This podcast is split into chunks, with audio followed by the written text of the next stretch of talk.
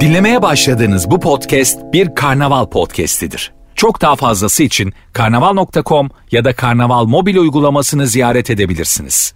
Cem Arslan'la gazoz ağacı başlıyor. Türkiye'nin süperinde, süper FM'de, süper program Gazoz Ağacı'nda yayınımıza e, başlayalım ve yayınımıza devam edelim. Editörümüz Rafet Gür tatil sonrası dönemi atlatamadı. Tatil sonrası dönemi atlatamayınca da e, biraz problem oldu. Şimdi e, kendisi hastalandı biraz. Narin evladım benim mavi yengeç bozuldu herhalde. Ya da mavi yengeç bünyeyi bozdu herhalde. Yengeç bozuk yengeç. Oğlum taze taze tutup getiriyorlar.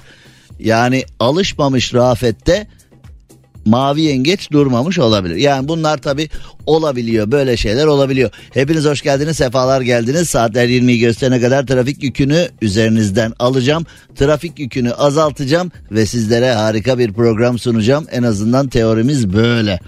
Şimdi e, bu güzel özel programda sizlerle beraber olmanın mutluluğunu yaşarken Türkiye'de neler oldu, e, neler var bakalım.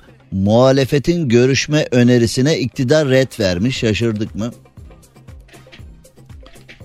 Yani bizde tartışma kültürü zaten yok. Bizde konuşma kültürü zaten yok. Kimin sesi yüksek çıkıyorsa, kim bağırıyorsa, çağırıyorsa, kim böyle ağız kalabalığı yapıyorsa bilimi, ilimi, tarihi gerçekleri arkasına alarak değil sadece böyle ağız kalabalığıyla üste çıkıyorsa bizde haklı olur. Trafikte de hep anlatıyorum ya size.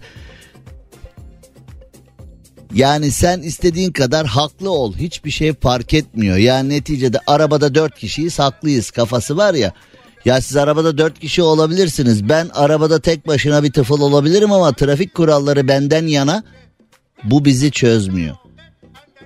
Onlar arabada dört magandaysa ters yönden geliyorsa sen düzde olmana rağmen geri almak zorundasın. Ya da Haydar'la tanışmak, beyzbol sopasıyla tanışmak, tüp hortumuyla tanışmak ya da ee, kalan bir iki ayını ha bir hastanenin yoğun bakımında tüm kemikleri kırılmış olarak geçirmen gerekiyor. İşin fena tarafı ya arkadaş böyle bir şey olabilir mi? Arabada tek başına bir tıfıl olarak ben hakkımı savundum dediğinde oğlum burası Türkiye ya.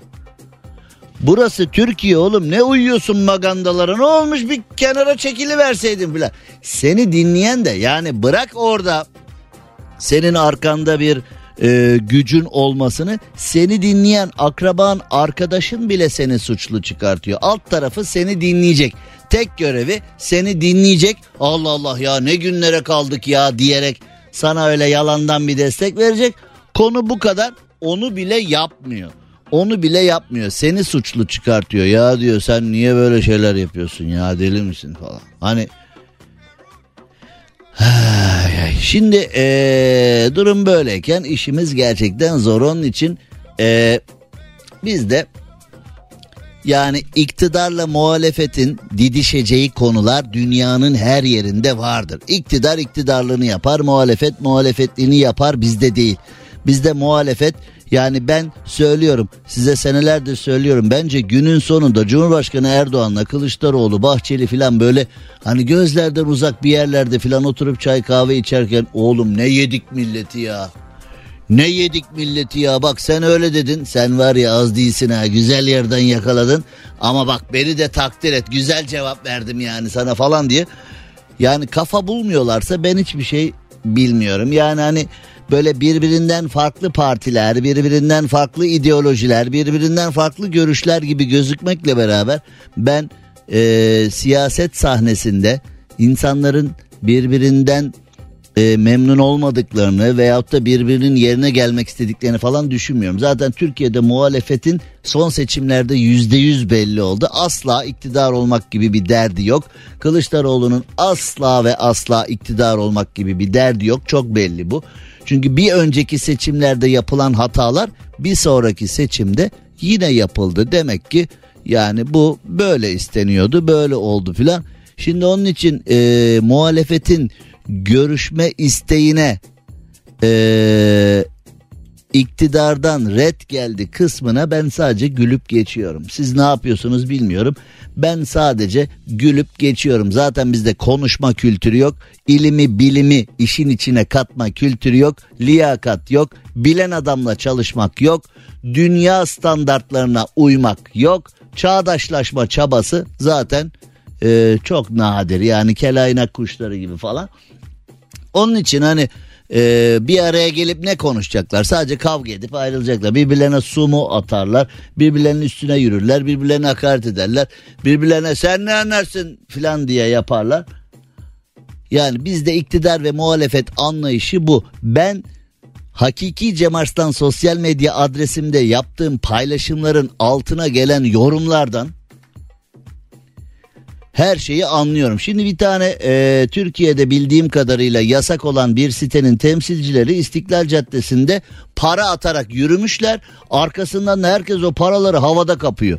Ben de bugün bir paylaşım yaptım. Kardeşim biraz onurlu olun, biraz dik durun. Yani hani e, fakir olun ama gariban olmayın falan diye yani yazdım. Sen ne anlarsın? Sen emeklinin halinden ne anlat? Parayı toplayanlara baktım hiç emekli gibi bir halleri yoktu yani. Emekliyorlardı sadece parayı toplamak için. Ee, hiç emekli gibi değillerdi. Ayrıca parayı toplayanlara bakıyorsun hep böyle kolpacı tipler. Hani çalışmaya, alın teri dökmeye, ilim bilim ışığında bir şeyler üretmeye niyetli tipler değil. Hep böyle ver gelsince, ver gelsin, ver gel. Maaş bağlasınlar, EYT vursun işte bir yerden para gelsin ben de elimde telefon çıtır çıtır yiyeyim bunları falan diye. Yani böyle hep kolpa tipler altına da beni suçlamışlar. Sen tuzun kuru tabii ne anlarsın falan diye. E oğlum seçimlerden önce soğan ekmek yeriz ama dik dururuz falan diye bir rüzgar yapıldı. Soğan ekmek yeriz ama dik durmaya devam ederiz. Soğan ekmek yeriz ama duruşumuzdan ideolojimizden bahsetmeyiz. Seçimlerden sonra seçimlerden sonra hani seçimlere kadar her şey gül pembe. Seçimlere kadar her şey dört dörtlük. Seçimlerden sonra zamlar, altından kalkılamayacak ekonomik koşullar filan karşımıza çıkınca o seçimlerden önce soğan ekmek yeriz ama dik duruşumuzdan ödün vermeyiz diyenler tel tel bir döküldüler şöyle. Ondan sonra sen ne anlarsın senin tuzun kuru millet aç o atılan parayı tabi aldı falan diye. E bir şey söyleyeceğim yani o atılan parayı almayacaktık hani dik duruşumuzu bozmayacaktık hani Türkiye'de yasaklanan bir sitenin Türkiye şartlarına bizim kültürümüze uygun görülmeyen bir sitenin temsilcilerinin attığı parayı havada kapıyoruz. O sitenin içeriği bizim kültürümüze, bizim kanunlarımıza, bizim yapımıza uymuyor. Hani o zaman haram, o zaman yasak, o zaman bu bize gelmez, o zaman bu bizim görüşümüze aykırı, o zaman bu bizim hayat görüşümüzün dışında falan yok. Havadaki parayı kapınca paranın menşei yok. İşte sosyal medyamda da yazmıştım Hakiki Cem Arslan sosyal medya adresimde bugün paylaştım. Nihat Hatipoğlu'na sorular. E, hocam biz e, yolda havaya para atıyorlardı. Havaya atılan paraları topladık. Acaba o para helal mi haram mı? Ben o parayı harcadım. E, ne, ne olacak şimdi? Ben e, yanıyor muyum? Ne, ne oluyorum ben? Yandım mı hocam ben? Ah yandım ben Allah'ım buna can dayanma. Yanacaksın hocam. Yanacaksın. Hocam sonradan o havaya atılan paranın e, fonfin sitelerden geldiğini öğrendim. E, ben öyle biri değilim. Hocam ne yapacağım? Hocam acele cevap. Hocam hocam hocam hocam. Yani e, şimdi bir laf var ya burası Türkiye. İşin içinden çıkamadığımız zaman burası Türkiye. Balk yani vatandaş yolda yürürken balkondan yanan piknik tüpü düşmüş kafasına. Yani bizde şimdi ya bu nasıl olur falan denmiyor da bizde hemen ne deniyor? Nazar nazar. Çocuğu gözle yediler. Ya arkadaş nasıl oluyor da piknik tüpü balkondan düşüyor da bir vatandaşımıza ağır hasar veriyor filan diye düşünen yok. Üstelik bir de yanan piknik tüpü düşmüş. Balkonda nasıl yanıyor bu? Balkonun demirinin üstünde filan yaktılar herhalde bunu. Hayret yani gerçekten hayret ki ne hayret. Yoldan geçen e, Mehmet İşler ölümden dönmüş başına 19 dikiş atılmış. Ama bunu söylediğinizde burası Türkiye abi düşer abi. Hani sanki yolda yürürken bilmem kaçıncı kattan yanar haldeki tüpün kafama düşmesi benim kabahatimmiş gibi. Burası Türkiye abi düşer. Dikkat edeceksin abi. Dikkat edeceksin abi. Hani okyanusta yüzersen Jaws seni ısırır. Yüzme kardeşim okyanusta sen de dermişçesine. Hani ne yapsın adam işine gücüne gidiyor yolunda yürüyor adam. Kaldırımda devletin ödediğimiz vergilerle yaptığı kaldırımda devletin vatandaşı yürüyor. Yani kafasına yanan tüp düşüyor. Burası Türkiye abi. Burası Türkiye. Amerika'ya gidelim Amerika'da da öyle yani bizde hani nazar nazar göz vardı göz filan deniyor ya. Şimdi bak bir tane de buna bir virgül atayım. Çocukları zorla dilendiren 173 kişi hakkında işlem yapılmış. İstanbul'da dilencilere operasyon yapılmış. Çocukları zorla dilendiriyorlarmış. Ben 29 yıldır yayın yapıyorum. 29 yıldır çocukları zorla dilendiren kişiler hakkında işlem yapılıyor. Bu nasıl bir işlem acaba? Çok merak ediyorum. Hakkında işlem yapıl. Ne işlemi acaba? Şimdi aynı çocuğu bak yarın git aynı yerde dilenirken görebilirsin. Ya sırf böyle hani vatandaşın gazını almak için vatandaşın e, böyle bir abi şikayetler çok arttı ya bir şeyler yapmak lazım. Hani böyle devlet olarak bir şey yapmıyor fotoğrafı veriyoruz. Devlet olarak hiçbir yani ortalık büyük şehirlerde meydanlarda artık mülteciler başta olmak üzere birçok dilenciler falan var. Bunlar kartpostal görüntüyü bozuyorlar ama biz hiçbir şey yapmıyoruz gibi gözüküyor. Bir şeyler yapalım falan. Ne yapılıyor acaba çok merak ediyorum. Yani polisimiz, zabıtam, vallahi polisimize yazık, vallahi zabıtamıza yazık. Yani ben polisimizi, zabıtamızı, kolluk kuvvetlerimizi seviyorum. Onların da e, işi çok zor, onlara kolay gelsin diyorum da bu kişiler yakalanıyor da ne oluyor yani? Bak bir tane abi var. İstiklal Caddesi'nde böyle sapan gibi havaya atılan paraşütler var yani. Önce sapan gibi havaya atıyorsun. Onun bir led ışığı var. O ışık döne döne döne döne tekrar senin yanına düşüyor. Tekrar atıyorsun tekrar düşüyor. Tekrar atıyorsun tekrar düşüyor. Ben yani biliyorum en az 10 senedir falan e, özellikle Arap turistlere ondan satmaya çalışıyor. Çünkü Arap turistin e, bir tane değil 10 tane falan alıyor. En yani çocuklara ver birer tane dediği zaman yani abiyi de tanıyorum. Ee, herhalde bir 30 senedir falan orada seyyar satıcılık yapıyor. Çeşitli şeyler satıyor. Ve gözümün önünde en az 8-10 kere zabıtadan ceza yedi. Polisten ceza yedi. Uygulamalarda falan ya işte müdürüm falan ya müdürüm bir daha olmaz tamam yapma filan deyip babaya basıyorlar cezayı basıyorlar cezayı. Bir gün dedim ki ya sen kardeşim sırf benim gözümün önünde 8-10 kere cezaydı. Abi her gün yiyoruz cezaya filan diyor o da isyankar.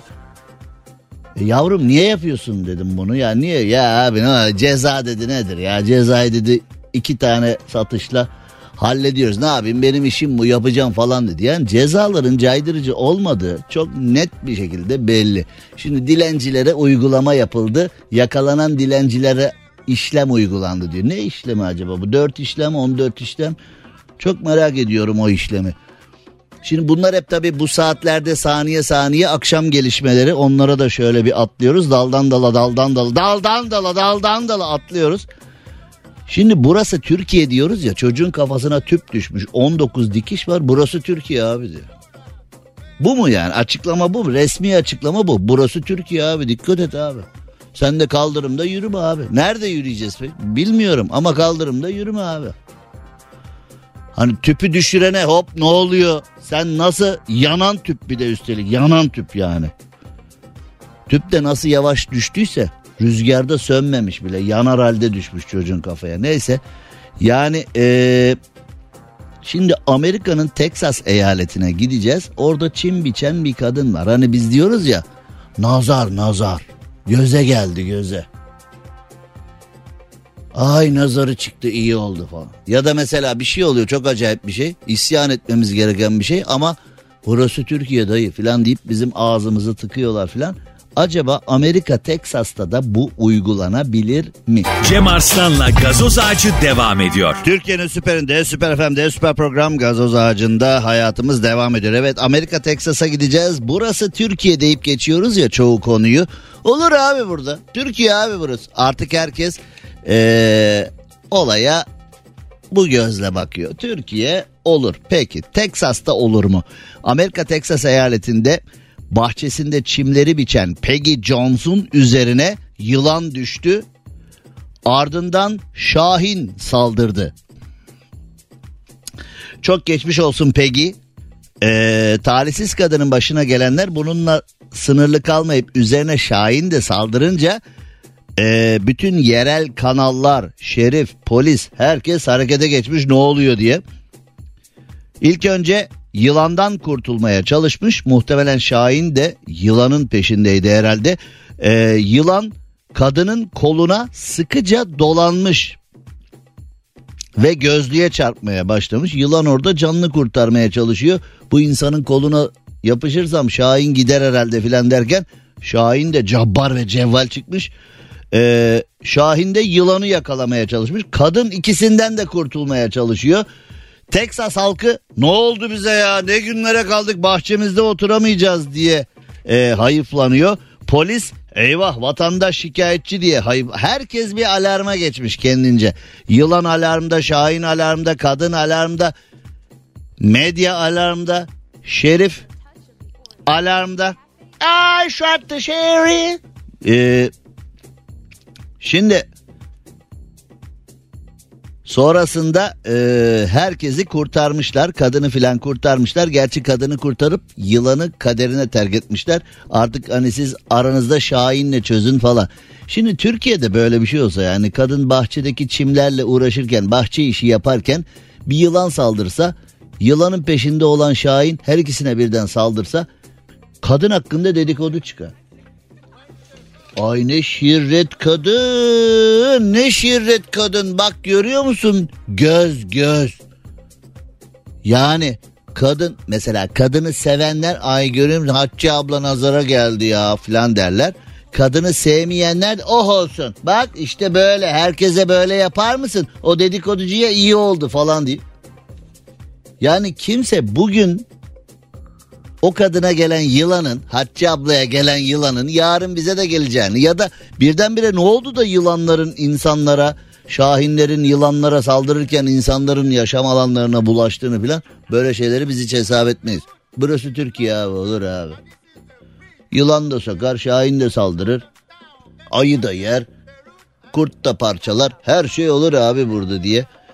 İstanbul'a geri dönelim hemen Teksas'tan. İstanbul'a geri dönünce e, bugün Göktürk'te e, şehir ormanının içinde e, bir çift elinde silahla gezerken görüntülenmiş. Göktürk halkı bunu resimleyip sosyal medyasında paylaşmış ve e, ne oluyor elinde silahla güpe gündüz gölet bölgesinde nasıl bir e, olay olabiliyor? Güvenlik nerede? Güvenlik güçleri nerede falan diye e, bir soru sorulmuş ve e, bir açıklama yapılmış. Eyüp Sultan Emniyetinden alınan bilgiye göre Göktürk göletinde yürüyüş yapan çiftin ellerindeki silah oyuncakmış. Herhangi bir e, kaydı da yokmuş. Yani şimdi Göktürk göletinde elinde bir hakikaten tehlikeli bir tüfekle niye dolaşırsın? Bir soru. Bunun oyuncağıyla niye dolaşırsın? Daha acayip bir soru. Göktürk gölette geziyorsun elinde oyuncak tüfek var. Yani tiplere bakılırsa e, pek de oyuncak gibi durmamakla beraber Emniyetten böyle bir açıklama yapılmış. Yani o çiftin elindeki e, silah oyuncak silahmış. Herhangi bir kaydı da yokmuş.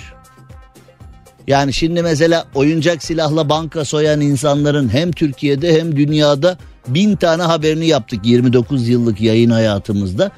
Gerçek silahla aynı muameleyi gördüler. Yani çünkü sen şimdi karşında elinde tüfekle gelen birini gördüğün zaman ee,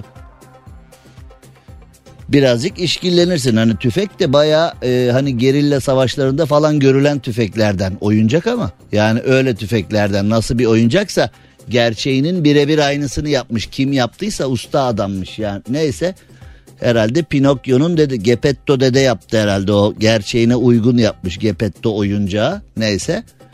Ee, yani şimdi öyle bir silahın o kadar gerçekçi bir tüfeğin oyuncak olduğunu kimse düşünmeyip herkes tabii ki çoluğu çocuğu var ormanda yürüyüş yapan var bisiklete binen var evcil hayvanını gezdiren var. Ama denmiş ki o oyuncak canım korkma korkma oyun yapıyor oyun oyun. M16 değil oyun oyun diye gerçekten yani hani diyoruz ya burası Türkiye dayı burada oluyor yani. Dünyanın en güzel cümlesi başına ne gelirse gelsin bunu söyleyip yırtabiliyorsun. Şimdi az önce Adalet Bakanı'nın bir açıklamasını e, şimdi biz tabi 18'de yayına başlayınca akşam 18 haberlerin derlenip toplanıp sizlere sunulduğu saatler. Ben bir yandan şov yaparken bir yandan da ülkenin haberlerini sizlerle paylaşmak durumundayım. Ülkenin Adalet Bakanı bir açıklama yapıyor. Diyor ki yeni bir bilirkişi sistemi getireceğiz falan diyor. Sizlere anlattım rahmetli babamın e, bir dükkanı vardı. Oradan aldığı kirayla e, yaşıyorlardı. E, annem hala öyle yapıyor. Fakat bizim bir eczacı kiracımız vardı. İşte e, kafasına göre kirayı veriyor, vermiyor, zam yapıyor, yapmıyor filan. Hani e, rahmetli babamı bir şekilde kendince kafalamış. Böyle bir durum var. Kendisini verdik mahkemeye. Bilirkişi raporları tamam. Ee, her şey tamam. Size anlatmıştım ama her şey tamam. Yani avukat diyor ki e, son karar açıklanacak. E, yıl başında açıklanacaktı. Bizim vaktimiz yok bunlara bakmaya diyerek Mayıs ayına attılar. 2023'ün Mayıs'ına. Bizim avukat dedi ki ya işte ne yapalım olmayacak bir şey oldu yani Mayıs'ta kesin sonlanır bu falan dedi. Yani hani benim ya da bizim tarafın haklı ya da haksız olması esasından yola çıkarak değil yani vaktimiz yok diyerek Mayıs'a atmışlar. Adalet sistemimiz müthiş. Vaktimiz yok diyerek Mayıs'a attılar. Mayıs'ta sonlanacak derken de vaktimiz yok deyip 2024'ün Mayıs ayına attılar. Yani burada Hani haklılık, haksızlık gerekçesi yok. Vaktimiz yok. Bakamıyoruz öyle. Hele kira davalarına filan şu anda hiç filan. Şimdi Adalet Bakanı'nın açıklamasını izliyorum. Yani bu bürokratlar mesela hani en yukarıdan en aşağı bürokratlar televizyona çıkıp bir konuyla alakalı iki cümle kurduklarında sahayı da çözdük zannediyorlar. Hani bakan konuşma yapıyor etrafında medya mensupları etrafında işte danışmanı koruması, yakın koruması, uzak koruması, özel kalem müdürü, şu su bu su bilmem nesi filan. Bunlar böyle kürsüde yeni bir bilirkişi sistemine geçiyoruz filan dediği zaman sahadaki tüm problemlerde bakın geldik ve çözdük. Söz verdiğimiz gibi hani yani ee, her şey tamam. Bütün bilirkişi raporları bilmem neler filan tamam. Ve bir de şuna bile razıyım ben. Mesela mahkeme dese ki sen haksızsın kardeşim. Dese bana. Ya nasıl haksız olurum? Bilirkişi raporları filan elimde. Sen haksızsın dese ona bile razı olacağım. Haklısın ya da haksızsın demiyorlar. Vaktimiz yok bakamayız diyor. Ya şimdi ee, şimdi işte az önce Bakan Bey de diyor ki yeni bir bilirkişi sistemine geçeceğiz. Ya var olan bilirkişi sisteminde problem yok zaten. Bilirkişi baktı ona ve raporunu hazırladı. Fakat ee, adalet sistemimiz diyor ki vaktimiz yok. Yani bu böyle akşam buluşalım mı abi vaktim yok gibi bir şey değil ki ya. Ama yani iyice artık e, mevzu keyfiyete geldi. Bekle kardeşim. Allah Allah hakim yok, savcı yok. İşte özel kalem şu anda meşgul. Dosyalar çok fazla. E, dosyalar çok fazla. Yeterli sayıda hakim yok, savcı. E peki ben adalete ihtiyacım var filan. Bekle kardeşim. Allah Allah. Ya bekliyoruz zaten. 6 sene oldu dava. Bana ne? Bir 6 sene daha bekle. Allah Allah. Ne yapalım? Savcı yok, hakim yok filan. E şimdi bilirkişi sistemi yok işte uzlaştırıcı bilmem yani gerçekten acayip işler oluyor yani inşallah Ee, yeni Adalet Bakanı bu işleri toparlar ama Adalet ve Kalkınma Partisi'nin adı Adalet ve Kalkınma Partisi olan bir partinin adalet konusunda e, çok daha hızlı ve çok daha etkin adımlar atması gerekiyor. E, konuşarak olmuyor. Yani adımların atılması ve milyonlarca kişi milyonlarca kişi adalet bekliyor. İşte ev sahibi kiracıya saldırdı, kiracı ev sahibiye saldırdı. İşte bu kadar ağır aksak işlerse, bu kadar e, kifayetsiz olursa sistem, e tabii ki insanlar artık ya bir taraf ya bir taraf kendisinin haklı olduğuna inanarak diğer tarafa saldırıyor. Bu saldırıları önlemek için adaletin tezelden tecelli etmesi gerekiyor. Cem Arslan'la gazoz ağacı devam ediyor. I choose to work where everyone can see how busy I am. I choose pedal power. I choose the freshest of beets. I choose to never burrito and drive. Whatever you choose, choose transit and do your part to spare the air. Türkiye'nin süperinde, süper FM'de, süper program gazoz ağacında saatler 20'yi gösterene kadar devam ediyoruz. Amerika'dan bir dem vurduk ya yine bir Amerika'ya uğrayalım. California eyaletine bağlı South Lake Tahoe'da geçen seneden beri bir ayı aranıyormuş ve o ayı bulunmuş. Aranan ayı bulundu. Çünkü Tank Hank adı verilen ayı sakinleştirici okla yakalanıp etkisiz hale getirilmeden önce çok sayıda ihbar alınmış. Bu ayı her tarafı dağıtmış. İnsan korkusunu yitiren ayı diye nitel yani ee, bu ayıda insan korkusu kalmamış. Yani var mıydı ki zaten yani insan korkusu yani ee, ayıların psikolojisi incelendiğinde ben böyle bir ee, insan korkusu falan çok bilmiyorum yani. Sirenler, şok tabancası ve paintball mermisiyle ee, durdurulamamış. Çünkü kendisinde insan korkusu yokmuş. Aa yüzsüz ayol bu. 230 kilo ağırlığında ayı geçen seneden beri en az 21 eve girmiş. Yani neyinden insanın neyinden korkacak ya bu ayı?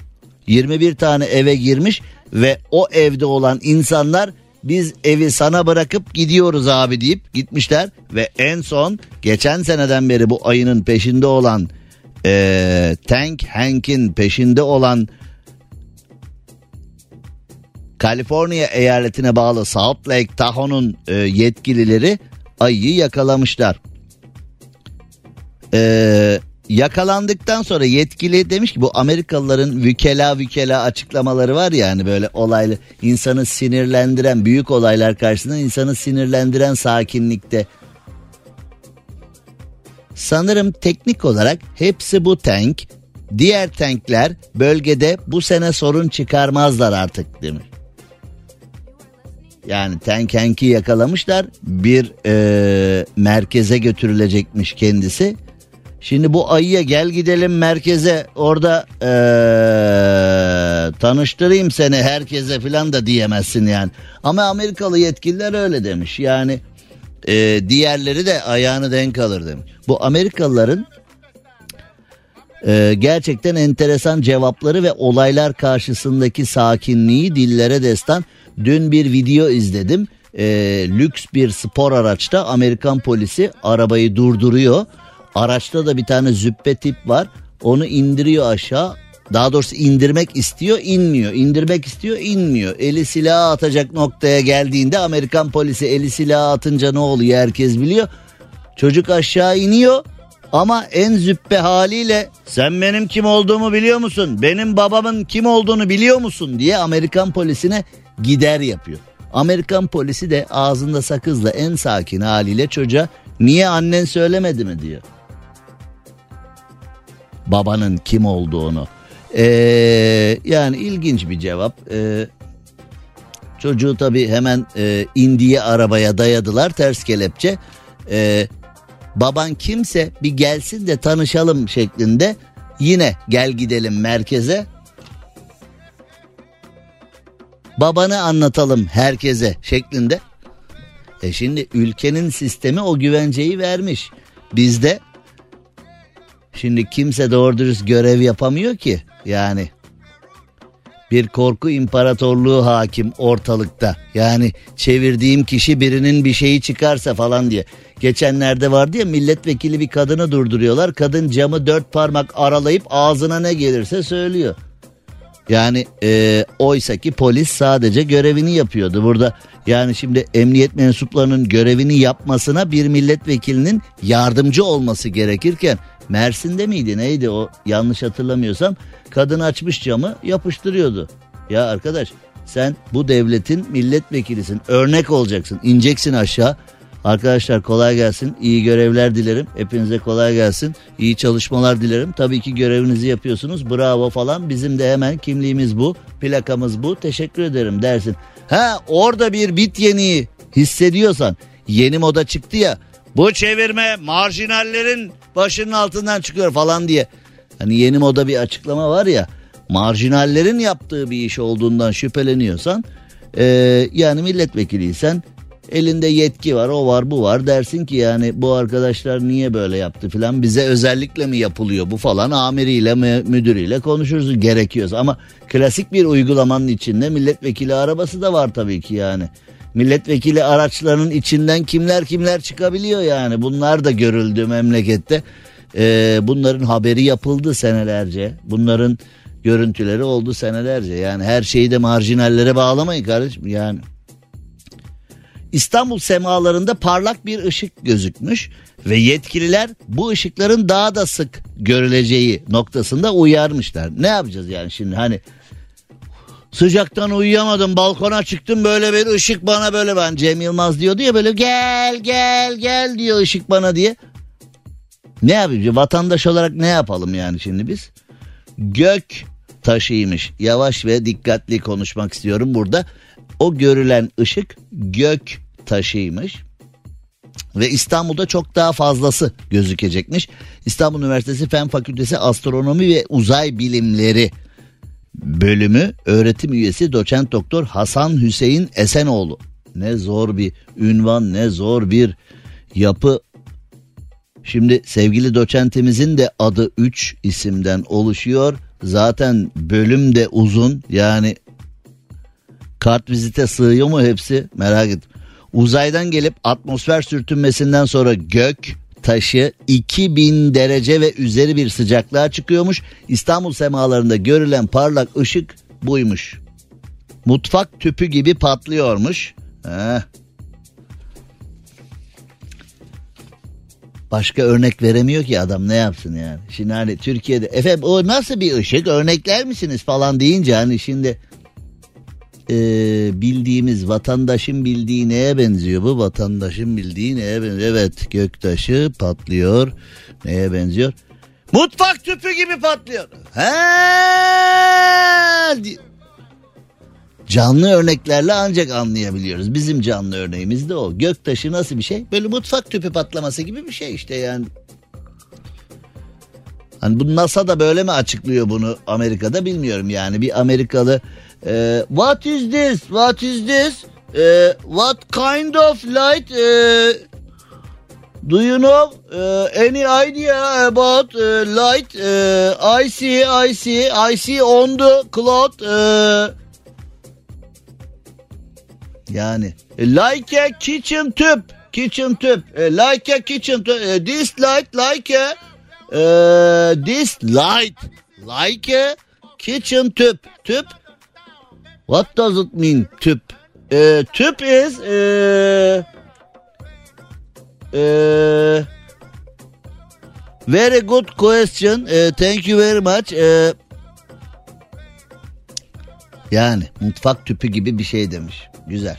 Yani gerçekten çok bilimsel bir açıklama olmuş. Ama tabii en çok gördüğümüz şey de o işte büfelerde, ortamlarda tüp öyle patlıyor ki hani bu patlamayı da vatandaş anca böyle anlardı. Bence tebrikler ya. Evet şimdi geleceğin büyükleri çocuklarımıza çok önem veriyor. Türk aile yapısı çocuklarımızı çok sever. Çocuklarımız çok önemli. Çocuklarımıza canımızı bile veririz falan. Canımızı veririz ama daire vermiyoruz ya. Çocuğuma böbreğimi veririm ama daire yok ya yani bekara ve öğrenciye verilmez falan diye.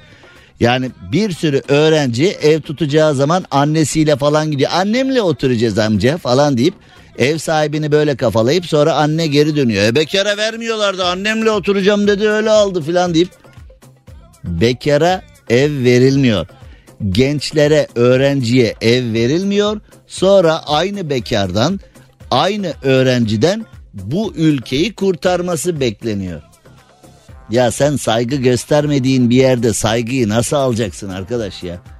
Senin bir gence saygın yok. Senin bir bekara saygın yok. Ha o bekarın da mahalle halkına saygısı olmayabilir. O da ayrı bir konu yani ama her bekar aynı değil. Her öğrenci aynı değil yani. Öğrenci var evi delik deşik ediyor. Öğrenci var ev sahibinden daha iyi bakabiliyor. Yani öğrenciye ev vermemek ne demek? Bekara ev vermemek ne demek diye yıllarca bunun hesabını sorduk. Böyle tipler var. Hasbel kadar bir mal sahibi olmuş ama görgüsüz. Yani vermem çıksana öğrenci mi çıksana yok falan. Bir de hani böyle vermeyecek kusura bakmayın öğrenci tercih etmiyoruz falan diye böyle kibar bir lisanla da değil. Sanki hani böyle çöpe gelen kediyi kovuyormuş gibi filan böyle. Ondan sonra da biz aynı gençlerden bu ülkeye sahip çıksın, bu ülkeyi ileri götürsün filan diye bekliyoruz. Yıllarca bu kara mizahı hep anlattık örneklerle filan. Fakat geldik 2023'e. Emlakçılar Emlakçılar açıklama yapmışlar. Ev sahipleri aile istemiyor. Ne oldu oğlum size? Ne oldu yavrum size? Ne oldu birdenbire? Zorunuz ne? Ev sahipleri yani emlak uzmanları açıklama yapmışlar. Ev sahipleri aile istemiyormuş. Bekar veya öğrenci tercih ediyorlarmış. Haydi bismillah bakalım. Şimdi ee, çocuklu ailelere ve ailelere kiralama yapmayı tercih ederlerdi. Ancak bu durum tersine döndü. Artık kiracının bekar veya öğrenci olması aranan en üst kriter oldu demiş. Çünkü öğrenci veya bekar kısa süreli evde duruyormuş. Ee, çeşitli sebeplerden dolayı işte tayin oluyor, okul bitiyor, o oluyor, bu oluyor filan. Evde uzun süre kalmıyormuş. Ama bir aile eve girdiği zaman artık ee, mesela karı koca girip bebek doğup o bebek üniversiteyi bitirene kadar 20 sene 30 sene evden çıkmıyormuş ve raiçler bozuluyormuş. %25 artış sınırlamasının ardından ev sahipleri aile no, bekar yes, öğrenci yes diyorlarmış. Para sen nelere kadirsin be. İşin ucunda para varsa işte o haram helal dengesi, faiz dengesi, Hani bizim kültürümüz böyledir dengesi, dinimizde böyledir dengesi, bizim ailemizde, bizim e, işte yapımızda böyledir dengesi bile. Hiçbir denge menge dengeye bay bay yaşasın para. Cem Arslan'la gazoz ağacı devam ediyor. Türkiye'nin süperinde, süper FM'de, süper program gazoz ağacında yayınımıza devam edelim. Dışarılarda ortalama %61 İstanbul trafiği var. Tabii biz şimdi dünyanın her yerinde dinlendiğimiz için İstanbul trafiğini de e, geçmişten günümüze alışkanlıkla söylediğimiz için hep aynı tepki. Bana ne ya İstanbul'da? Ben dinliyorum Erzurum'dan. İstanbul'da köprüde trafik varsa bana ne ya falan. Ya arkadaş konuya böyle yaklaşırsan şimdi e, İstanbul'daki de diyor ki bana ne Erzurum'daki sıkılıyorsa yol durumundan filan. Hani bunun içinden çıkamayız. İşte yani yeri gelince hepsinden konuşuyoruz. Çünkü normal şartlarda ben 29 yıllık yayın hayatımda biliyorsunuz bizim programımız hiciv üzerine. Aslında dünyanın en gırgır, dünyanın en komik programı görünümlü, dünyanın en ciddi konularına dokunan bir program olmamıza rağmen mesela bazen şöyle bir Cem Bey eskiden daha sert konuşurdunuz.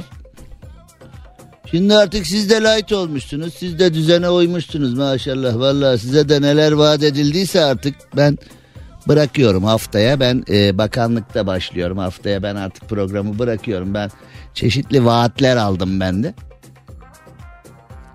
Şimdi böyle şeylerle karşılaşıyor. Cem Bey eskiden nalnamığına daha ağır konuşurdunuz şimdi falan. Ne istiyorsun oğlum? Ha, benden ne istiyorsun? Yani konuşuyoruz. Türkiye'de ne varsa onu konuşuyoruz Konuşuyorsun. Artist, radyocu işine bak işine. Sana mı var? Hep aynı cevabı veriyorum 30 yıl. Oğlum sana bile kalmış bana kalmasın mı ya? Hani şimdi sana bile kalmış. Sen kalkıp artist işine bak. Artist işine bak diyor. Sanki ben mal müdürlüğünde çalışırken hani e, medyada da yorumlar yapan biriyim sanki. Hani böyle hiç alakasız bir iş yaparken hani torna tesviyedeyim. Aynı zamanda siyasi yorumlar da yapıyorum falan. Oğlum zaten işine bak dediğin zaten benim işim bir bu. Sana bile kalmış bana niye kalmıyor iki. Ayrıca anayasanın hepimize sunduğu e, bir konu var yani özgür bir ülkede yaşıyoruz.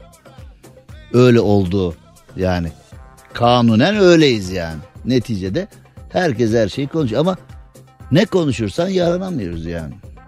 Ben geliyorum radyoya bakıyorum böyle kutu var burada. Millet İttifakı'nın zarfı mı daha kalın? Cumhur İttifakı'nın zarfı mı daha kalın? Hangi ittifakın zarfı kalınsa ona göre ben... Duymak istediğim bu mu ya? Böyle şeyler mi duymak istiyorsunuz? Bunlar var ya hepsi bunlar var ya Ankara'nın adamı bunlar ha. Ben, öyle tipler var bir de böyle hani idrardan karakter tahlili yapan tipler var böyle filan. Bunlar var ters bağlama yapıyor böyle eleştiriyor gibi gözüküyor aslında onun adamı. Ha. Ben biliyorum onun adamı. Güldür güldür de var yani.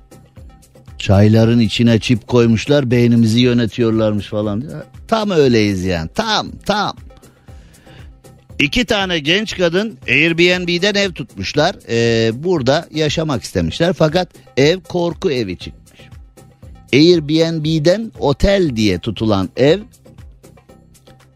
Şimdi bir de böyle evinde otur bu Airbnb var ya ne bu turistik filan değil ha hep böyle fon finişler yapıyorlar orada filan. Oğlum sana ne oturduğun yerden her şeye bulaşıyorsun ya. Sana ne oğlum yani şey ben, yani benle ilgisi şu ben yapamıyorum da onun için e, yapanı eleştiriyorum yapan da yapmasın ki benim eksiğim böyle eksik gibi parlamasın orada hani benim yapmadığım eksik gibi gözükmesin de herkes yapamıyor zaten gibi olsun. Ben de herkesle aynı şartlara sahip olunca toplum normlarının normali olayım filan.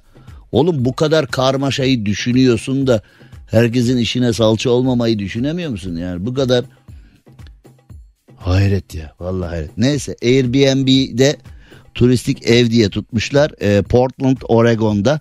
Fakat evin içinden tüneller, gizli odalar, içinden her an canavar çıkacakmış gibi intiba veren bazı e, esrarengiz durumlar çıkmış. Arkadaşlar oraya hatıraları bırakmışlar ve demişler ki bize doğru adres verilmedi. Bize olmayan bir yerin adresini verdiler. E nasıl buldun oğlum evi? Ya şimdi diyorsun ki sana anahtarı vermişler, adresi vermişler. Eve gidiyorsun, kapıyı açıyorsun. Oh dinlenelim biraz derken ev korku evi çıkıyor. Demek ki sana adres doğru yani. Ev yanlış anladık ama adres nasıl yanlış olsun yani. E gitmişin işte eve. Yani değil mi? Turistik ev diye gitmişsin. Bizi mi yiyorsunuz? 5 milyon izleme almış. Bunlar evi paylaşmışlar. Demişler ki biz burada turistik amaçla tuttuk bu evi.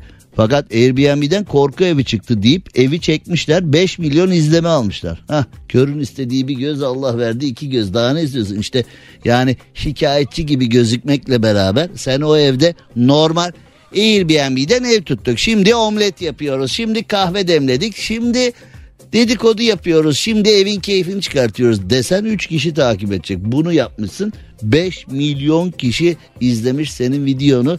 Oradan da Airbnb'nin kirası çıkmıştır zaten izlemeden gelen parayla. Hemen ülkemize dönelim olayı dengeleyelim. Oregon'dan Portland'dan Karabük'e geliyoruz. Kültür şoku. Karabük'te bir kadın sürücü yolu şaşırmış merdiven sokaktan aşağı inmiş. Şimdi bazı sokaklar var ya hani merdiven İstanbul'da Cihangir tarafında falan da çok var. Karabük'te de çok varmış. Merkeze bağlı 1042 nolu sokakta kadın sürücü birdenbire ana yoldan sokağa dönmüş. Sokak merdivenliymiş. Otomobille beraber merdivenlerden inmiş. İyi böbrek taşı falan varsa hepsi gider zaten. Eee Olaylar da çevredeki iş yerinin güvenlik kamerasına yansımış. Zaten o çevredeki iş yerlerinin güvenlik kamerası olmasa Türkiye'de yani emniyeti filan sağlayamayacağız. Dirlik düzeni falan sağlayamayacağız. Hep bir sürpriz kuru yemiş videosu çıkıyor yani. Hiç kimse görmemiş derken sürpriz kuru yemiş kamerası cinayeti çözdü falan diye. Hani hep o kuru yemişçiler var ya ciddi söylüyorum yani Agatha Christie'den daha başarılılar yani kuru yemişçiler. Eskiden kuru yemişçiye girip abi şuradan bir leblebi üzüm karışık yaptı ağzımız tatlansın derken şimdi hani kuru yemişçiler daha ziyade videolarıyla varlar. Daha ziyade yani ha kuru yemiş videoları. Emniyetin en büyük dayanağı yani. Ha? Ağır ceza mahkemesinde dünyanın kırmızı bültenle aradığı adamı sen kuru yemişçi videosuyla cezalandırabiliyorsun yani. Hani Amerika'da yıllarca Al Capone'u Düşün ya Al Capone o da ne garip bir hikaye değil mi? Al Capone'sun dünyaya nam salmışsın hani dünyanın en ünlü suç örgütü lideri dünyanın en ünlü suçlusu falan. Amerika diyor ki vallahi içeri atacağız da suç bulamıyoruz. Ya. Oğlum suç bulamadığın adam nasıl dünyada en ünlü suçlu diye nam yapıyor? Vallahi tam içeri atacağız. Adam süt teleke var bunda yok. Bunda yok arkadaş. Tam içeri atacağız. Suç yok adam. Suç olmayan adamda yani ben hani adam yaşıyor Amerika'da ben İstanbul'da adını duyunca aman abi dur şimdi bahsetmeyelim bir. Şimdi de bu hikaye adam öldü diye anlatıyorum yani yaşasa hiç girmem bu konuya yani. Saçmalığın demek işte neden Amerika'da kuru yemişçi yok onun için işte bu Al Capone neden yakalanamadı? Kuru yemişçi dediğimiz esnaf tipi Amerika'da var mı? Yok. Amerika'da var mı kuru yemişçi? Ben görmedim hiç yani Hala görmedim bak. Al Capone yaşamış ta ne zaman? Şimdi 2020'lerde 23'lerde falan hala yok. Var mı kuru yemişçi? Marketlerde bir paketlenmiş ürün olarak kuru yemiş bölümü olabilir. Ama bizim o anam babam usulü hani elinde böyle e, bir kilo kavurup iki kilo yediği leblebiyle. Ha değil mi abi? O leblebi kavrulmuş leblebi kokusu da var ya. O kuru yemişçi de kavurur oğlu kavurur onu orada böyle. Önünden almadan geç de göreyim hadi bir. Ha? Çok fena yani o. Neyse şimdi e, merdivenli sokaktan Al Capone'a nasıl geldik hiçbir fikrim yok ama e, bir ara vermem gerekiyor. Cem Arslan'la gazoz ağacı devam ediyor. Türkiye'nin süperinde, süper FM'de, süper program gazoz ağacında yayınımıza devam edelim. Şimdi neler var neler yok şöyle bir bakalım. Belçika'da metroya zehirli madde atmışlar ve Belçika polisi bu maddeyi atanı arıyormuş. Şimdi e, bizde de bazen hani bu toplu taşımalarda mis kokular yükseliyor ya mesela metrobüse binip filan. Hani böyle bir e, iki fırt çeksen böyle hafif kafan güzel inebiliyorsun metrodan filan. Hani yandaki abi sanıyorum e, sirke e, tüccarı filan deyip olabiliyor ama bu metrodaki toplu taşımalardaki koku deyince bazen bizde de ben de denk geliyorum. Çünkü ben devamlı metroya metrobüse toplu taşımaya çok sık biniyorum. Bizde de bazen çok e, nefasetli kokular falan olabiliyor. Bu Belçika metrosunda Anderlet'te e, 2 ve 6 numaralı metrolarda tanımsız bir sıvı amonyak olduğundan şüphelenilen sıvı yani bu amonyağı şişede getirmiş. Mesela ben bu konuda şimdi İstanbul metrosuna kurban olsunlar New York metrosu. Şimdi burada Belçika'ya amonyağı şişede getirip atmış kişi. New York metrosunda bizzat üzerinde taşıdığı amonyağı ee, şimdi yerim dar tam anlatamıyorum ama tahmin edebileceğiniz şekilde üzerinde bazı homeless abiler var. Üzerinde taşıdığı amonyağı mesanesinde taşıdığı amonyağı direkt e, metroya terk ediyor. Hani bu da be, sanki dersin hani metroya bağışta bulunuyor. Homeless arkadaşımızdan 2 litre amonyak falan diye yani böyle New York metrosuna bağışta bulunmuş falan diye.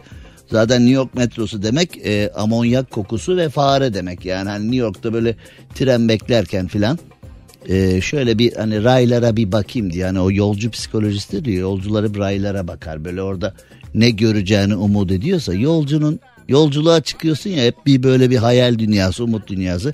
Raylara bakayım orada ne göreceğim falan diye New York metrosunda gördüğün şey fare. Orada da bir kültür oluşmuş. Zaten insanlar çoğu zaman e, fast food gıdalarla metroya biniyorlar. Hep böyle patates, hamburger falan bir şeyler atıyorlar. Fare de bunu biliyor herhalde. Koca tren geliyor raydan çekilmiyor. Neyine güveniyorsa fare. E, son anda atlıyor falan aşağı. Onlar da fantaziye kaçmış artık biraz. Yani e, bu konuda evet yani New York metrosundaki kokuyu bilmiyorsanız İstanbul'daki toplu taşımaya filan ya da bazı yerlerdeki toplu taşımalara çok kokan insan var falan diyebilirsiniz ama günün birinde New York metrosuna yolunuz düşerse mandal tavsiye ediyorum size. Onu da söylemiş olalım yani tamam bazı şeyleri eleştiririz falan ama yani ülkemizi de yediremeyiz bu konuda. Yani New York metrosu gerçekten e, leş diye tabir edebileceğimiz bir noktada. Şimdi e, İtalya'ya doğru gidiyoruz. Amerika'dan İtalya'ya geçelim. İtalya'nın kuzeyinde dağda mahsur kalan iki dağcı. Yani dağda kim mahsur kalacak yani? Dağda dağda mahsur kalana dağcı deniyor yani. Da değil mi? Yani ama bir görüşe göre de ne dağcısı ya? Dağcı olsalar mahsur kalırlar. Bunlar dağcı mağcı diye artist bunlar. Ne dağcı mağcı diye önüne gelen dağlara gidiyor. Nereye gidiyorsun dağlara? Dağcı olsa mahsur kalır mı filan? Bizdeki yorum gücü buralara da gidebiliyor. Yani hani dağcıysan mahsur kalma özgürlüğün yok yani. Dağcıysan mahsur kalamazsın mahsur kalan dağcıysan sen artistsin dağcı değilsin. Zaten bizdeki görüş böyle ama İtalya öyle bakmamış konuya. İtalya'da yine de her şeye rağmen mahsur kalan dağcılar demiş. İtfaiye gitmiş kurtarmaya. Biz de şimdi hep aynı şeyi konuşuyoruz hani itfaiye bir tek yangına gider gibi ama öyle değil. Yani itfaiye zorda kalan herkese gidiyor aslında. Helikopter ve itfaiye gitmiş. O anlar saniye saniye kameralara yansımış. Aha dağda kuru yemişçi var demek ki e, yani İtalyan itfaiyesi Vigili del Fuoco. Bu ne arkadaş ya? Onno momento, sacramento, cimento, bellisim. Yani e, öyle e, kuzeydeki Lago di Valesia'da mahsur kalmış dağcılar orayı kurtarmışlar falan filan. Şimdi e, bizdeki bakış açısına göre ne işin var oğlum dağlarda? Şimdi bak yani dağcı olsa kalmazdı bunlar artist. İlikliyorum diğer yorumları. Ne işiniz var oğlum dağlarda?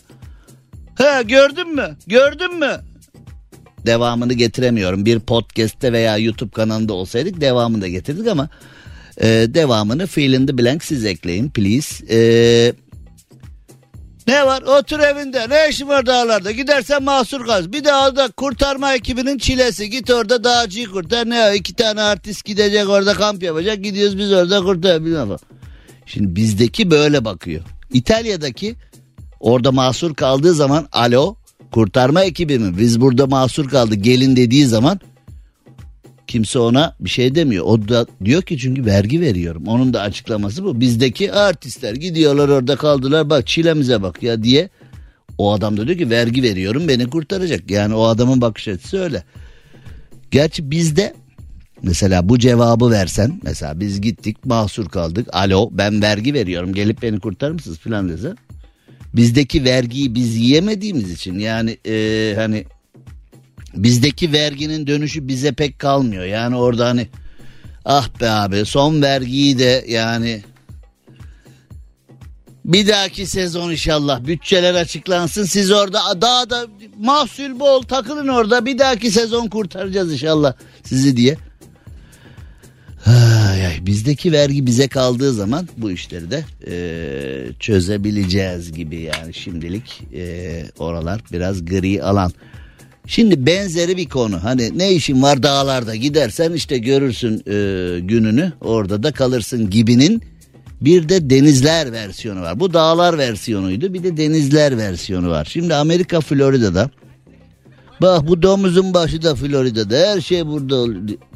Florida. Şimdi Amerika'daki kültür doğayla insanların bir arada yaşaması, insanlar yaşayacak diye doğanın mümkün olduğu kadar katledilmemesi üzerine kurulu. Onun için evlerden çıngıraklı yılanlar, işte Florida'daki evlerin havuzlarından timsahlar, e, piton yılanı çocuğu yedi falan gibi haberler e, ya da yaşlı teyzeyi timsah kaptı gibi e, sabah koşusuna çıktı bir daha gelmedi e, yarısı ormanda bulundu timsah yemiş falan gibi haberler çok çıkabiliyor yani Florida olarak. Çünkü orada her şeye rağmen insanlar bataklığı yok edelim, doğayı yok edelim, insanlar yaşasın fikrine karşılar her şeye rağmen. Yani olabildiğince orada da bazı saçma şeyler oluyor ama olabildiğince şimdi Florida'da Atlantik Okyanusu'nda ee, genç okyanusta kaybolmuş. Kaybolmak için güzel bir yer. Yani yani mesela maç anlatanlar da futbol için güzel bir zemin, yemyeşil zemin, güzel bir hava falan değil, değil mi? Okyanusta kaybolmak için nefis bir yer yani. Hani mesela bazısı var. Ya İstiklal Caddesi neresi başım döndü bulamıyorum falan. Şimdi Taksim Meydanı'nda nasıl kayboluyorsun ya? O kadar haritası bilmem nesi. Orada kaybolduğun zaman salak, salak bir yolunu bulamıyor. Ama şimdi okyanusta kayboldum dediğin zaman kimse seni suçlayabilir mi? Kayboldum nerede okyanusta? Hmm. Dur bakalım bulmaya çalışacağız inşallah falan diye. Şimdi bir şey de diyemezsin karşı tarafa. Salak nasıl kayboluyorsun Atlantik Okyanusu'nda? Oradan birine soramadım falan da diyemezsin yani. Kaybolacaksın yani. Ama bu bence kaybolmamış mahsur kalmış çünkü 35 saat sonra bulunmuş. Yani kaybolmak biraz daha farklı sanki. Hani böyle mahsur kalmışla kaybolmuş arasında zaten 35 saat orada kalınca bunu düşünmeye çok vakti olmuştur diye tahmin ediyorum. Atlantik Okyanusu'nda da kayboldun mu o 35 saat geçmez be. Ha? Sağa bakıyorsun su, sola bakıyorsun su, yukarı bakıyorsun su, aşağı bakıyorsun su, aşağı bakıyorsun su, yukarı bakıyorsun su, sağa bakıyorsun. Canın sıkılınca en baştan bir daha başlıyorsun. Sağa bakıyorsun su, sola bakıyorsun su, yukarı bakıyorsun su, sağa bakıyorsun su. Bir de böyle gözlerin hiç yoksa bile hani o Yılmaz Erdoğan şiiri vardı ya ben seninle buluşma ihtimalini sevdim diye. Hani o Jaws'ın gelmese bile gelme ihtimalinin bünyede yarattığı bir lüle korkusu var ya hani. Lüle korkusu o çok fena hani her an böyle okyanustan tın tın tın tın tın tın tın tın diye o üçgen çıkacak diye. Hani bir erkeğin üçgeni görünce mutlu olduğu anlar var. Bir erkeğin üçgeni görünce mutsuz olduğu anlar var. Yani şimdi iç açıların toplamına filan hiç girmeden burada çok sıkıntılı bir şey. Sahil güvenlik abiyi aramış. Hani el eline şeyini türkü söyleye söyleye arabi yani orada da şimdi Alo sahil güvenlik mi? Bizim çocuk kayboldu da Atlantik okyanusunda. İyi dayı siz bir 6 ay sonra arayın biz bir Atlantik okyanusunu. Hani Atlantik okyanusu da nereden başlayacaksın ha? Nereden başlasam? Kime anlatsam? Kaç kişiydik o zaman diye ha? Bodrum Bodrum gibi değil ki abi yani şimdi Atlantik okyanusunda. Fakat 35 saat sonra ee, bir teknede sağ olarak bulunmuş. Bak 35 günde kendine gelemezsin ha. Atlantik okyanusunda kaybolup teknede ceviz kabuğu gibi sürüklenmiş. Bir de nereye gittiğin de belli değil. Hani Atlantik okyanusunda tekne bozuluyor. Küçücük bir tekneyle zaten neyine güvenmişse çıkmış Atlantik okyanusuna. Tekne savruluyor. Kuzeye mi gidiyorum, güneye mi gidiyorum? O anda ülkemi değiştirdim. Acaba nereye gidiyorum? Ben kimim, neredeyim falan bir noktadan sonra böyle ölmüş akrabalarına falan konuşmaya da başlıyorsun falan. Hani böyle bir, bir noktadan sonra değil mi? Yani orada kafa direkt gidiyor herhalde. Bu cavslar var ya beni ne yerlere falan diye hani böyle bir yanlış yaptığın kadınlar aklına geliyor falan. Orada hani tekneyle sürüklenerek Ayşe'ye orada küfür etmeyecektim ben ya. Niye yanlış yani. Fatma da iyi kızdı bak evlenseydim şimdi onunla burada olmayacaktım falan. Bir hani böyle yanlış yaptığın insanla o gün de Mehmet'in kalbini kırdık falan. Hani böyle hani değil mi orada 35 saat nelerle geçmiştir mümkün değil o ha.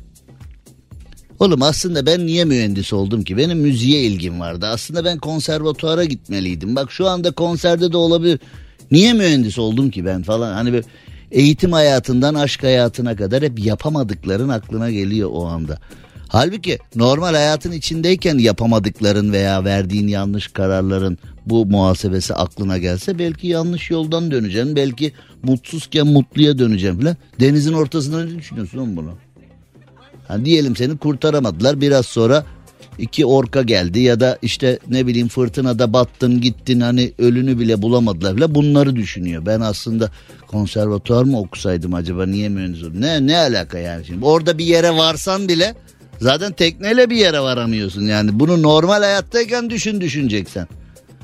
Ha kurtarıldıktan sonra oh iyi yaptım Mehmet'e de iyi çaktım Ayşe'yi de iyi ki terk ettim. Ne işim var benim müzikle iyi ki mühendis ol. Kurtarılınca havaya giriyor birdenbire. Uganda'da babalık testi moda olmuş. Bize neyse bundan yani hani biz ne yapabiliriz bu konu? Ben şimdi Maslak Sanayi'de yayın yapan biri olarak bu konuda ben ne yapabilirim şimdi? ülkenin tanınmış iş insanlarından bir tanesinin 25 çocuğundan 10'u kendisine ait çıkmamış. E normal değil mi yani? Zaten bu. Bu ne oğlum? Kaç çocuğunuz var? 25. Zaten hani ve ülkenin en tanınmış iş insanı DNA testi yaptırmış. Acaba diğer çocuklarda da sıkıntı var mı diye. Tabi bu 25 çocuğun 10'unun kendisine ait çıkmaması nereden ee, o konuda bilgi yok. Yani ee, ya acaba bu çocuklar benim değil mi? Hani böyle çay içerken filan hani ya da acaba bunlar benim değil mi ya? Diye hani nasıl çıkmış? O oraya nasıl gelmişler? Neden 25 çocuğu da bir DNA testinde geçirmek icap etmiş? Bu konuda bilgi yok. Fakat e, ülkenin tanınmış iş insanlarından birinin 25 çocuğundan onu kendine ait olmayınca ülkede bir DNA testi patlaması olmuş. Bizde de olsa ne merdiven altı DNA'cılar çıkar ha. Oh dükkanlara filan yazarlar böyle hani böyle kuru temizleyici de filan görürsün böyle. Müjde vatandaş DNA testi gel. Kendi kendine yapılan DNA testi. Mesela sahte DNA testleri satarlar. Sahte olduğu için sonucu doğru göstermez ama cinayetler çıkar. Ne falan diye hani Bakarsın içine böyle tükürük testleri DNA diye böyle e, kazıklamışlar. Ha? Dandik DNA testlerini kendi kendine yapılabilen DNA testleri geldi falan diye. Tahtakale'den aldık çok uygun fiyat böyle hani 10 tane alana 10 tane de yanında veriyorlardı filan. Komşuyu da test ettik durup dururken filan diye. Ne savaşlar çıkar ha. ha? Öldükten sonra mahkeme gerçek bir adli tıp laboratuvarında bunu valla boşa öldürmüşsünüz bu sizinmiş bile ne deyip benim mi diye orada ikinci bir şok üstüne şok diye. Vallahi yaşanır bunlar bizde.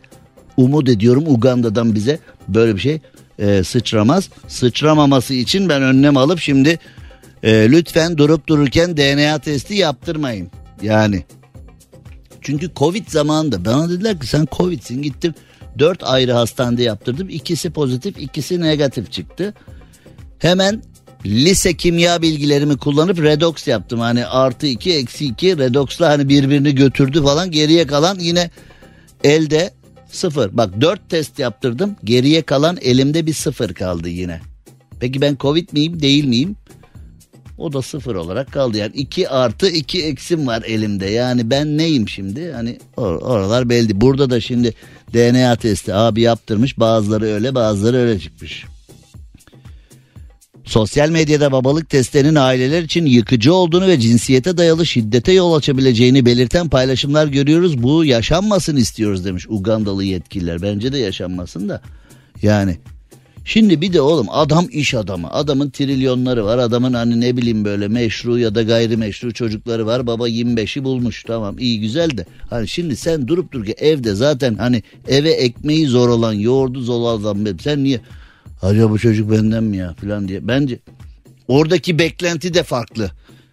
Benden değilse ne güzel ha bir boğaz eksilir ha bunu veririz gider bu benden değilmiş zaten diye filan. Hani acaba oradaki beklenti onun olup olmadığından ziyade bunu ufak ufak acaba hadi oğlum hadi kızım filan deyip hani sen zaten bizden değilmişin Allah razı olsun ee, bir boğaz eksildi bizden zaten zor geçiniyorduk. Beklenti o da olabilir yani fakirdeki beklenti zengindeki beklenti tamam eyvallah da fakirdeki beklenti hadi abi kapatıyoruz hadi abi hadi abi deyip Cem Arslan'la gazoz ağacı devam ediyor. Türkiye'nin süperinde, süper FM'de, süper program gazoz ağacında yayınımıza devam edelim. Şimdi e, artık yavaş yavaş e, vedaya doğru gideceğiz ama yavaş yavaş yani hızlı hızlı değil. Şimdi Golden Retriever köpekleri ben çok severim. Siz de seversiniz herhalde. Gold, yani şimdi köpeklerle alakalı genellikle hani işte hem koruma yapsın, yabancıyı yaklaştırmasın, tanıdığa şirin gelsin, biz de sevelim, bize can dost olsun. Yani köpekler ben çok severim. Yani kedi mi köpek mi deyince ben köpekçiyimdir ama bu kedilere zulüm yaptığım anım. Yani mesela bazen şöyle algılanıyor.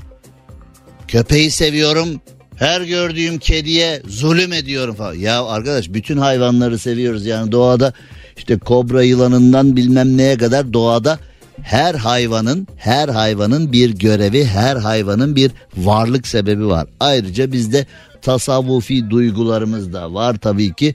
Yani yaradılana saygımız var yaradandan dolayı her e, yani bazen bizim cahil aklımız ermeyebilir ya bu hayvanın ne yararı olacak ya filan diyebilirsin. Mesela güve güve değil mi yani şimdi e, güveden bahsedelim. Güve dediğin şey yani bizim e, kazağımı yemiş, elbisemi yemiş, eve zarar vermiş gibi hissedebilirsin ama güvenin doğada çok büyük yararları var. Bu tohumlama anlamında çok önemli yararları var ve e, kendisi de iri kıyım bir kanatlı olduğu için kuşların önemli bir e, beslenme öğünü. Ayrıca tohumlamalara yarar var. Şimdi hani güvenin ne yarar alacak ya falan diyebilirsin ama öyle değil. Şimdi e, Golden Retriever'la hırsız karşılaşmış. E, eve girmiş. Golden Retriever kendisiyle oynamış. Hırsızı yalamış. Hırsız da e, yine bir e, kuru yemişçi videosuna yansımış. Bu olay e, hırsız da oynamış köpekle bayağı bir oynamışlar. Sonra hırsız sıkılınca e, köpeği son bir sevmiş bisikleti alıp gitmiş. Yani e, tabi böyle bir durum var. Şimdi hani bazı köpek cinsleri var tehlikeli olarak anlatılıyor. Onların hikayeleri anlatılıyor ama işte Golden Retriever'da böyle insan canlısı bir hayvan. O da güzel bir hayvan o da önemli. Gerçi bazı Golden Retriever'ları alıp besleyemeyip sokağa atmışlar. E, atıllarda bazı böyle hafif agresif olmuş hayvanlar da var tabii ki. Onlar da kaderin kurbanı yazık. Cem Arslan'la gazoz ağacı devam ediyor. Evet sevgili dostlar bu akşam da programın sonuna geldik. Yarın akşam ölmez de sağ kalırsak sizlerle beraberiz. Yarın akşam ee, tekrar saat 18'de gazoz ağacında olacağız. 26 T 235 26T 235 sevgili Uğurcan'a bir selam yollayalım. Ee, yakın akrabamız kendisi. O da bizi dinliyormuş taksi durağında Eskişehir'de. Eskişehir'e selamlar taksilere selamlar tüm ticari taksilere 26T 235 sana ayrıca selamlar. Yarın akşam görüşünceye dek hoşçakalın. Cem Arslan'la gazoz ağacı sona erdi.